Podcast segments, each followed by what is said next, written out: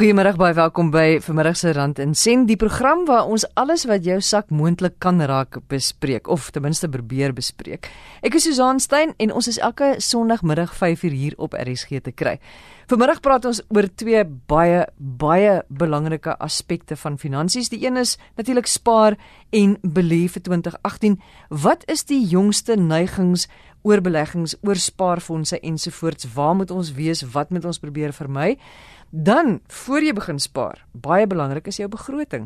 En ons gaan vanmiddag daai onontbeerlike gids om jou geld sake deur enige storm te bestuur by Johan van Tonder kry. Hy is 'n ekonom en navorser oor finansiële welstand by Momentum. En Johan, jy gaan nou asseblief vir ons vanmiddag stap vir stap deur die proses neem om 'n begroting by die huis op te stel. Net voordat jy dit vir ons doen julle ekonome sê of geldmense sê daar is sekere foute wat ons as verbruikers maak wanneer ons 'n begroting vir onsself opstel. Wat is daai foute? Susan, ja, daar is in ons ondervinding 'n aantal foute wat mense maak. Wanneer hulle begroot, is die eerste fout en dis menslik om te kyk na wat jy in die verlede bestee het op 'n produk. En ons weet meeste van die tyd styg pryse deur die loop van die jaar. So wat jy behoort te doen is as jy nou kyk na 'n uitgawe item, dan moet jy maar 'n prysverhogingkie inbou. Ek weet ons Reservebank probeer die gemiddelde inflasie koers hou tussen 3 en 6%, maar ons weet byvoorbeeld vleis het die afgelope tyd met 15% gestyg. So jy kan nie net daarvolgens gaan nie. Maar as die mense wat goeie rekords hou, het 'n baie goeie idee van min of meer met hoeveel pryse opgaan. So as jy vir jou totale begroting, as jy klaar is met al jou uitgawes net 'n 6% bysit, gaan jy min of meer 'n goeie idee hê van wat jou uitgawes gaan wees. Sien nou maar jou totale uitgawes is R1000 of dan sit jy 6% by. En dan weet jy aan die einde van die jaar dan gaan dit 1000 plus 6% wees. Want jy 'n 'n redelike goeie idee. Dit gaan nie 6% wees nie, maar jy maak minstens voorsiening daarvoor. As dit dalk minder is, dan is dit goed vir jou, dan het jy 'n paar rand ekstra. As dit uh, meer is, dan moet jy iewers 'n spaarfonds hê waaruit jy kan trek. Help ons om 'n goeie begroting op te stel. Ons noem dit begroting 101 want begin regtig met die basiese want want ek is nie goed met begroting opstel nie, so ek wil ook graag leer. Ja, 'n goeie begroting verg een keer effens tyd wat jy daarin sit en daarna hou dit maar net op datum. So waarmee jy begin is altyd jou inkomste. Jy moet 'n goeie idee van al jou inkomste. Party mense het twee of ander drie bronne van inkomste. So as jy jou inkomste het vir 'n maand, kan jy van daar af werk. Maar as jy dan nou na jou uitgawes kant, na jou uitgawe kant toe gaan, is daar 'n paar dinge wat jy moet doen. Jy gaan 'n idee hê van hoe lyk jou salarisstrokie. Met ander woorde, al die aftrekkings op jou salarisstrokie en ook al die uitgawes volgens jou bankstaat. So jy moet na beide daai twee bronne gaan kyk. En een van die eerste goed wat jy dan moet neerskryf by jou uitgawes is jou inkomstebelasting wat jy betaal. Bitter min mense weet hoeveel inkomstebelasting word maandeliks afgetrek. Tog wanneer belastings verhoog en dit verhoog aanhoudend, moet daai deel aangepas word. Gewoonlik kry jy dit dan op jou salarisstrokie. Ook op jou salarisstrokie en by baie werkgewers is die bydraes tot 'n pensioenfonds en 'n mediese fonds en selfs lewensversekering en so aan. So daardie goed sit jy dan alles op 'n uh, stuk papier of jy kan sommer in Excel dit doen of waar ook al jy wil en dan jou volgende stap is om te gaan kyk na al jou skuldpaemente. Tel al jou skuldpaemente bymekaar of of lys dit onder mekaar sodat jy 'n idee het van wat is jou totale uitgawes verbonde aan skuld. En skuld sluit in natuurlik jou kredietkaart, jou Woolies-kaart, Edgars. Baie mense sien dit nie as skuld nie, maar dit is. En jou persoonlike lenings, jou huisverband, voertuig, skuld, wat ook al jy het groepeer dit bymekaar sodat jy 'n idee kan kry van hoeveel jy aan skuld bestee. Die volgende een is jou spare. Hoeveel spaar jy vir aftrede? Jy kan dit dalk ook op jou salarisstrokie kry. En as jy nog anniteite het, dan kan jy dit sien op jou bankstaat van watter bedrag vloei soontoe. En dan versekerings. Ons weet uh, versekerings is baie belangrik want dit voorkom dat jy in die moeilikheid beland wanneer daai onverwagte ding gebeur en dit gebeur aanhoudend. Maar as jy jou gesondheidsversekering of mediese skema bydra het en jy het jou korttermynversekering vir as jou kar breek of of gestamp word, gesteel word of word ingebreek en jy het jou lewensversekering, maar dan sit jy groepeer jy ook al jou versekerings bymekaar. Nou indien jy dit gedoen het, die res wat oorbly, kan jy maak net wat jy wil. Want dis jou diskresionêre inkomste. Dis waarmee jy jou kos koop, dis jou petrolgeld. Dit is as jy dalk ehm um, multi-choice kanale wil sien, dis jou een keer 'n jaar TV lisensie, dis tolgeld wat jy daar insit. Dis bykans al die res. En as jy daar klaar is, dan gaan werk jy met persentasies. Dan gaan kyk jy wat is jou belasting as 'n persentasie van jou inkomste. So jy vat jou belasting, deel dit deur inkomste en maal met 100 en dan kry jy 'n persentasie. En dan kyk jy watter persentasie bestee jy aan skuld.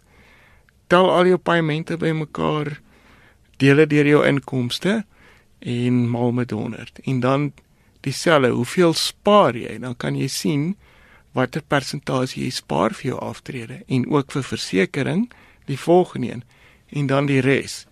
En dan kan jy 'n vergelyking begin doen om dan te sien, wel, ek dra minder by aan spaargeld as byvoorbeeld belasting en dan moet dan moet jy begin bekommerd raak of die bedrag wat ek aan skuld betaal is dalk meer as wat jy spaar vir aftrede of vir versekerings en dan begin jy moet jy begin bekommerd raak.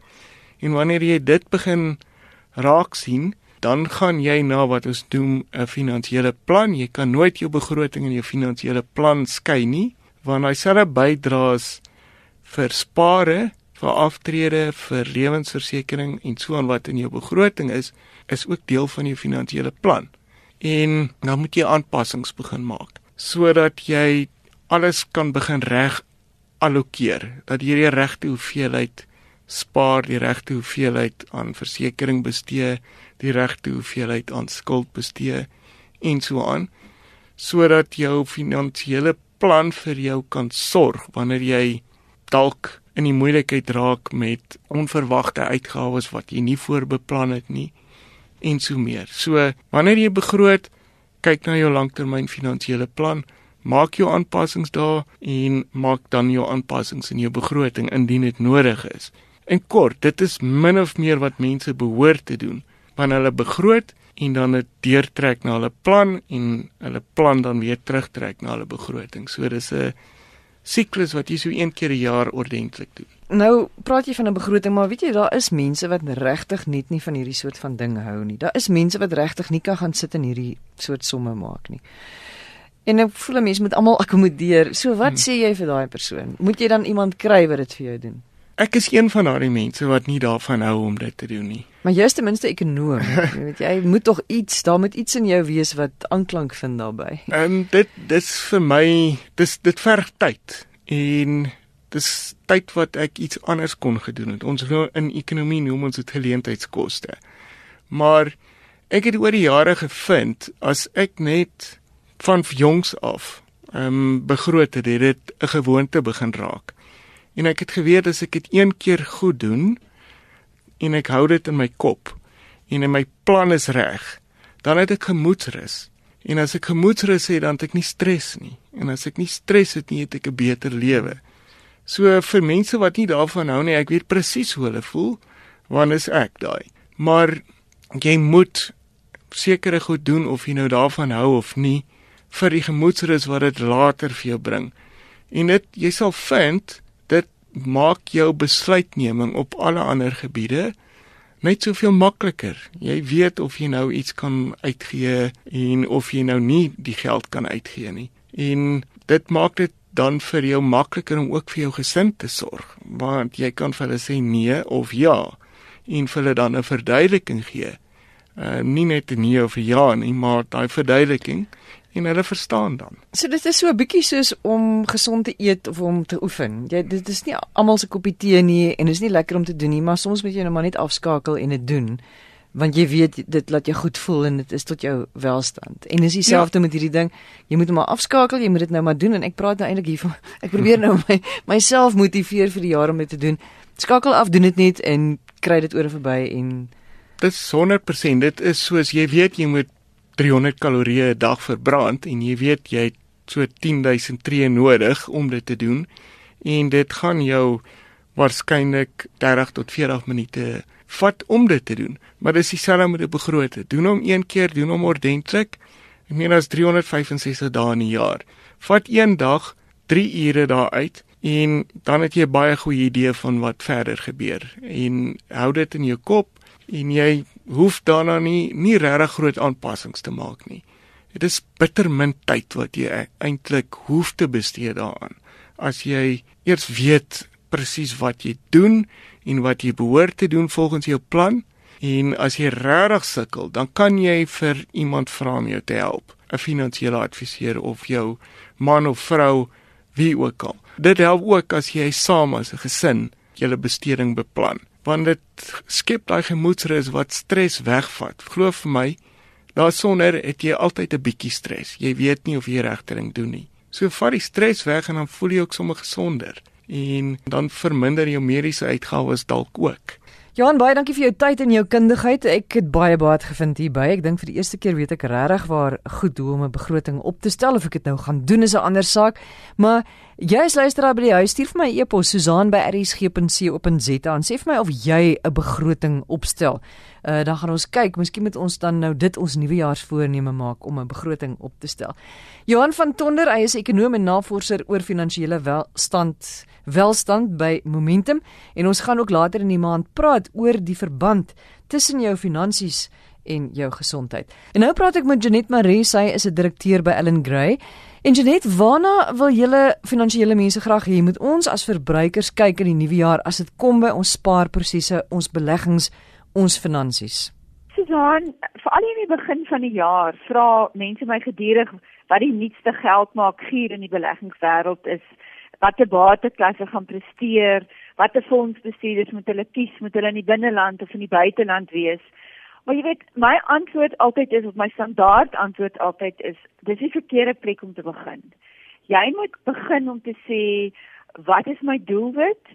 Wat is my plan en hoeveel het ek, hoeveel geld het ek om te belê? En jy weet, dis altyd die, die beter plek om te begin is om om te sê kom ons haal asem, kom ons kyk wat die realiteit is en dan werk ons van daar af. Want die, die feit van die saak is dat effektiewe spaar gaan nie eintlik oor die nuutste giere nie. Dit gaan oor daai langtermynsiening wat minder emosioneel is en 'n bietjie meer rasioneel is. So ek sou sê daar's drie dinge. Die eerste een is beplanning. As jy nie 'n plan het nie, het jy nie 'n doelwit waarvoor jy spaar nie. En dit is ongelooflik dat nou die afgelope tyd is daar nogals baie navorsing gedoen oor amper die emosie wat mense het oor spaar en dat dit baie meer effektief is wanneer jy 'n doelwit het. Want dan raak dit vir jou realiteit. Dan raak dit nie net vir jou 'n klomp geld wat jy wegsit vir een dag en eendag is so ver in die toekoms dat dit eintlik vir jou baie moeilik is om daarmee te assosieer nie. So ek dink nogal hierdie hele nuwe manier van doelwit spaar is is 'n baie goeie manier om daarna te kyk. En dan maar die twee wat ek altyd sê, begin so vroeg as moontlik. Hoe gouer jy begin, hoe beter. En dan hê meer van 'n langtermynsiening. Probeer om nie van jou plan af te wyk as daar in die korttermyn allerlei dinge gebeur nie. So eintlik moet jy 'n korttermyn doelwit hê waarvoor jy dan nou sê nou maar kontant spaar en dan moet jy ook 'n langtermyn doelwit hê van daai eendag doelwit. Ja, jy weet die die korttermyn doelwit is doeteenvoudig om seker te maak dit is daar, jy weet dis die lewe met jou gebeur. As jou motor breek of as daar skielik 'n groot iets met jou gebeur waarvoor jy kontant nodig het, dat jy nie nodig het om aan jou langtermyn doelwit geld te gaan raak om om dit te kan befonds nie. Nou die norm is so 2 na 3 maande se salaris wat jy erns in 'n maklik toeganklike rekening met Jesus se geldmarkrekening. Selfs jou bankrekening, alhoewel bankrekenings weet verdien jy net so min, dis miskien beter om dit in in jou huislening te sit as jy 'n huislening het waartoe jy maklik kan toegang kry. So jy moet toegang hê tot kontant. Maar as jy dit uit die weg het, dan moet jy jou ander doelwitte stel. Nou die heel heel belangrikste doelwit natuurlik is jou aftree doelwit. En dit weer ook vir kinders is vir mense baie moeilike ding om aan te dink. Ek is 20 vandag. Jy weet, hoe dink ek nou 40 jaar in die toekoms in? En veral dink mense altyd om ek het baie baie baie tyd. Maar jy weet mense op 30 en op 40 dink selfs hulle het baie tyd en ongelukkig is dit nie realisties nie. Hmm. So jou heel belangrikste doelwit is daai werklik langtermyn een.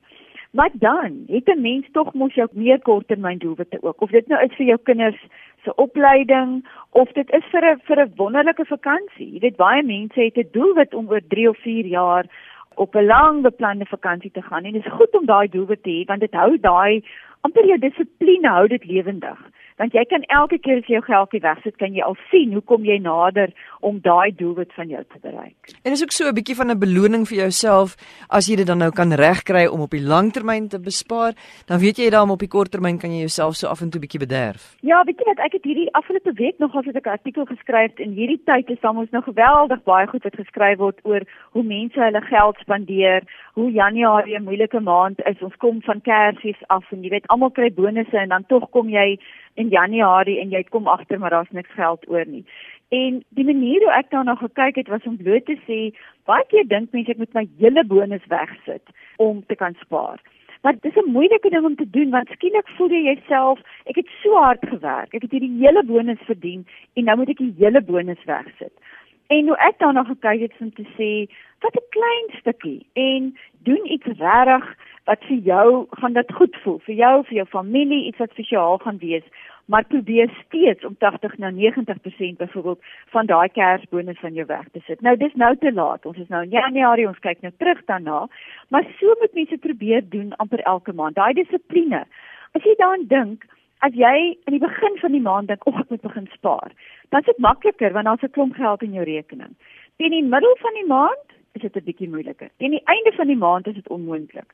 So doen byvoorbeeld iets soos om 'n debietorder op die dag of die dag na jou salaris inkom te laat afgaan. So min is R500 'n maand. By maand 2 of 3 mis jy nie meer daai R500 nie.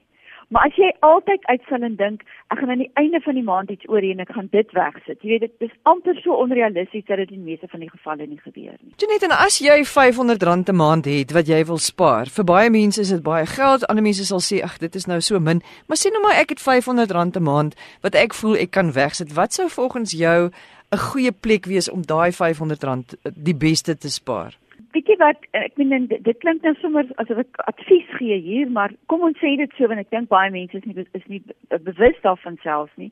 Is die nuwe, dis nou al so 2 jaar oud, belastingvrye beleggingsplanne wat oral by die meeste van die weet van die fondsbestuurders sowel as die platforms beskikbaar is. En die enigste verskil is dis steeds geld wat jy wegsit waartoe jy toegang het, maar jy betaal geen belasting daarop nie. Geen kapitaalwinsbelasting nie. Binne in jou fonds word dit nie belas nie. En en daar's 'n geweldige groot verskil oor die langtermyn wat dit maak.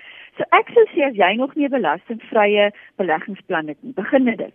R500 'n maand is genoeg. Die maksimum op die oomblik is R2500 'n maand, want daar's 'n jaarlikse maksimum natuurlik waarby mense mens nou nie jy mag dit nou nie oorskry nie. Maar elke jaar gaan dit op. Die eerste jaar was dit R30000 'n jaar, die tweede jaar was dit R33000 'n jaar en ons weet nou nog nie wat hulle nou hierdie jaar met daai limiet gaan doen nie. Hy gaan waarskynlik weer 'n klein bietjie opgaan.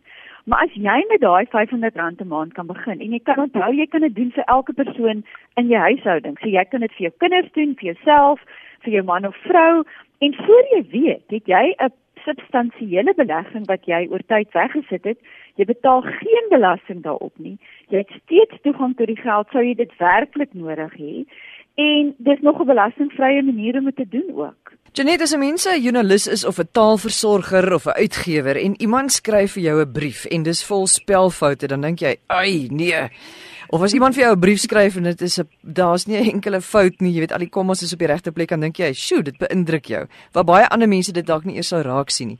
Nou as 'n finansiële persoon, vir watter soort foute skud jy net jou kop en jy dink, "Jo, dit is nou regtig, dit is nou 'n dom besluit."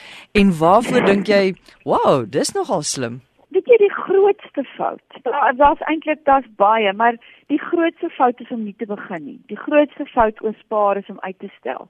En dit is hoekom ons ons ons praat so baie oor die weet die wonder van saamgestelde rente. Maar die wonder van saamgestelde rente is is eintlik iets wat um, daar's 'n storie van van die skaakbord en hoe jy op elke dag net die aantal ryskorreltjies wat jy opsit verdubbel. Dag 1 is dit 1 en dag 2 is dit 2 en so gaan jy aan. Interessant dat voor jy by die einde van die skaakbord kom, het jy alle rys in die hele wêreld moes bymekaar kry net om om by die som te kon hou om elke dag wat jy opsit te kan verdubbel. En dis presies wat saamgestelde rente doen. Nou, dis amper die heel grootste fout dat mense nie daai besef nie. Ek voel altyd ek wens kinders kan dit in graad 1 geleer word. Want dit is amper die heel belangrikste beginsel wiskundig sowel as om te spaar. En dit beteken elke enkele dag wat ek uitstel, is 'n dag waarop ek nie daai rente op rente verdien nie. So ek dink dis die grootste fout is om nie te begin nie jy jy kan nie die lotto wen as jy dan nie op 'n stadium met 'n kaartjie koop nie. So ek dink vir beleggings is dit is dit die die heel belangrikste ding. Die tweede ene is die feit dat almal van ons erns in ons koppe dink dat ons die mark kan uitoorlê met tydsberekening. Ons het verlede jaar in 2017 en ons weet dit was 'n moeilike jaar. Die mark het nie fantastiese opbrengste gegee nie. Kontant was eintlik goed. Mense wat inkomste trek en so aan het het baie kere gegaan vir, jy weet, 'n 8 of 'n 9% wat hulle in die bank kon kry. Die probleem daarmee is jy verlaat die fonds waarin jy is op die verkeerde tyd. Met ander woorde, die verliese wat daar dan is, maak jy dan werklike verliese. Jy gaan na iets toe wat vir jou eintlik amper maar nie inflasie gaan klop nie. Maar die groot probleem is om terug te kom in die mark. Is gewoonlik die moeilikste besluit en jy wag gewoonlik te lank. Want jy gaan mos nou nie teruggaan in die mark wanneer hy steeds laag is nie. Jy gaan altyd dink kom ek wag dat hy so 'n bietjie optel, kom ek wag dat hy optel. En die tyd dat hy genoeg opgetel het dat jy nie moet bymekaar skraap om terug te kom, het jy eintlik baie meer verliese gelei as wat jy ooit sou kan opmaak, want jy was te laat. So dis daai ding van volg die trop. Jy weet as almal vir jou begin sê kom ons gaan 'n kontant in dan se te laat. As almal sê kom ons gaan buiteland toe is dit te laat. Belegging gaan baie meer oor daai dissipline. As jy wonder wanneer jy in die buiteland moet belê, hoekom belê jy nie net elke maand 'n vaste uh, debietorder in die buiteland nie? Dan hoef jy nooit bekommerd te wees oor hoe hoog of laag die rand is nie, want jy gaan nie voor en die nadele van die rand se beweging byvoorbeeld kry. En ek dink dis die ding, probeer nie daai basiese dissipline in jou belegging inbring. Maar as jy praat van belê, kry debietorders gaan belê in die buiteland. Jy weet deur watter meganisme doen jy dit? O ja, ek ek laat dit nou baie kompleks klink. Almal van ons in Suid-Afrika het platforms. Elke enkele beleggingsmaatskappy het 'n platform. Jy kom na ons toe in in in rand in Suid-Afrika en jy belê jou geld hier en ons fasiliteer vir jou die proses om jou geld buiteland te neem. Jy kan self in van ons lokale platforms kan jy in fondse belê wat gebruik maak van ons kapasiteit om geld om te ruil buiteland toe. Nou die die nadeel is jy belê in rande en as jou geld wil kry dit in rande terug. Met ander woorde jy neem 'n redelike risiko op waar die rand op daai stadium is. Maar vandag kan jy tot 'n miljoen rand buiteland toe neem elke jaar sonder dat daar veel papierwerk is wat gedoen moet word. Maar dan is jou geld werklik in die buiteland. En jy hoef nie buiteland toe te gaan nie. Jy kom na ons plaaslike platforms, jy kom klop hier aan, ons help jou met die papierwerk, ons help jou met die hele proses. En jy het net gepraat van die spaarfondse wat jy die belastingvrye spaarfondse, hoe klop 'n mens daarbey aan? Ook na bestaande platforms kan jy direk in een van hulle belastingvrye fondse belê. Daai fondse is spesiaal so ontwerp en geregistreer om aan die wetgewing te voldoen. Dan mag byvoorbeeld nie sogenaamde prestasiefondse daarin gevra word nie. Daar's 'n paar reëls, maar ons het almal daai fondse. Letterlik elke versekeringsmaatskappy self sommige van die banke bied dit aan. Maar jy kan self jou geld belê en jy kan self kies tussen verskillende fondse. So jy kan nog variëteit in jou in jou belegging ook kry. In terme jy jy kan kies tussen meer as een fonds. So dis 'n baie eenvoudige proses. Gaan na enige iemand se webwerf toe, gaan kyk net daar en gaan gaan jy weet sê ek ek wil kyk na belastingvrye fondse en jy gaan dit daar opspoor. Janet baie dankie. Janet Maree, sy is 'n direkteur by Ellen Gray. As jy weer na enige van ons gesprekke op RSG wil gaan luister, dan gaan jy na www.rsg.co.za, klik op potgooi en gaan na Rand en Sent en as jy vir my 'n boodskap wil stuur oor jou voorstelle, jou idees, jou vrae, Susan by rsg.co.za. S U Z A A N by rsg.co.za. Ons gaan uh, nog gesels hierdie maand oor loyaliteitsprogramme Hoeveel baat vind ons nou regtig daaruit? Hoe werk dit? Ons praat ook oor weer eens oor entrepreneurs. Hoe vind jy jou nismark? Ons gaan kyk na aktiewe en passiewe beleggings. Ons praat oor finansies en gesondheid. Ons gaan kyk hoe jy goedkoper groen kan gaan. Ons gaan kyk na finansiële geletterdheid, wat presies dit beteken en is jy regtig finansiëel so geletterd soos wat jy dink? En ons gaan ook praat oor die digitale revolusie en hoe maklik dit, hoe angswekkend maklik dit vir ons maak om geld uit te gee. Ek is Susan Stein, dankie dat jy saam geluister het vanmiddag en ons doen dit volgende Sondagmiddag 5uur weer. Goeie week vir jou. Totsiens.